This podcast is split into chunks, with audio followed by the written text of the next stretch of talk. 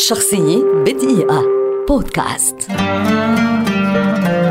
فدوى عبيد. مغنية لبنانية معروفة. اشتهرت فترة الستينات والسبعينات وتعد واحدة من أبرز نجمات تلك الحقبة إلى جانب هيام يونس وسميرة توفيق وغيرهن. ولا تزال بعض أغنياتها محفوظة حتى اليوم رغم اعتزالها منذ زمن طويل.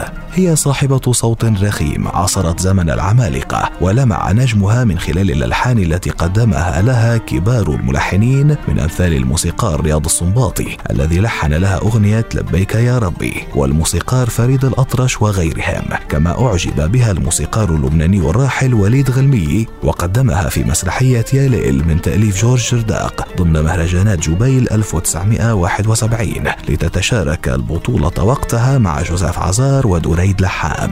قدمت فدوى عبيد خلال مسيرتها القصيرة العديد من الأغنيات الطربية الأصيلة بالإضافة إلى الأغنيات الدينية والوطنية ومن أشهر أغنياتها نذكر عيونها العيون. نهاية حب. حبيبي أنت طل الأحباب على وين ما تروح يا هوا.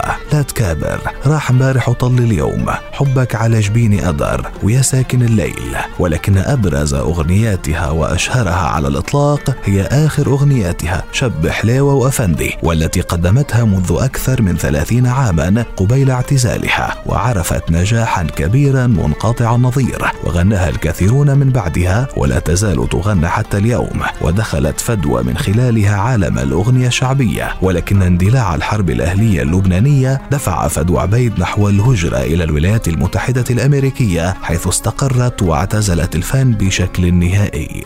شخصية بدقيقة. بودكاست.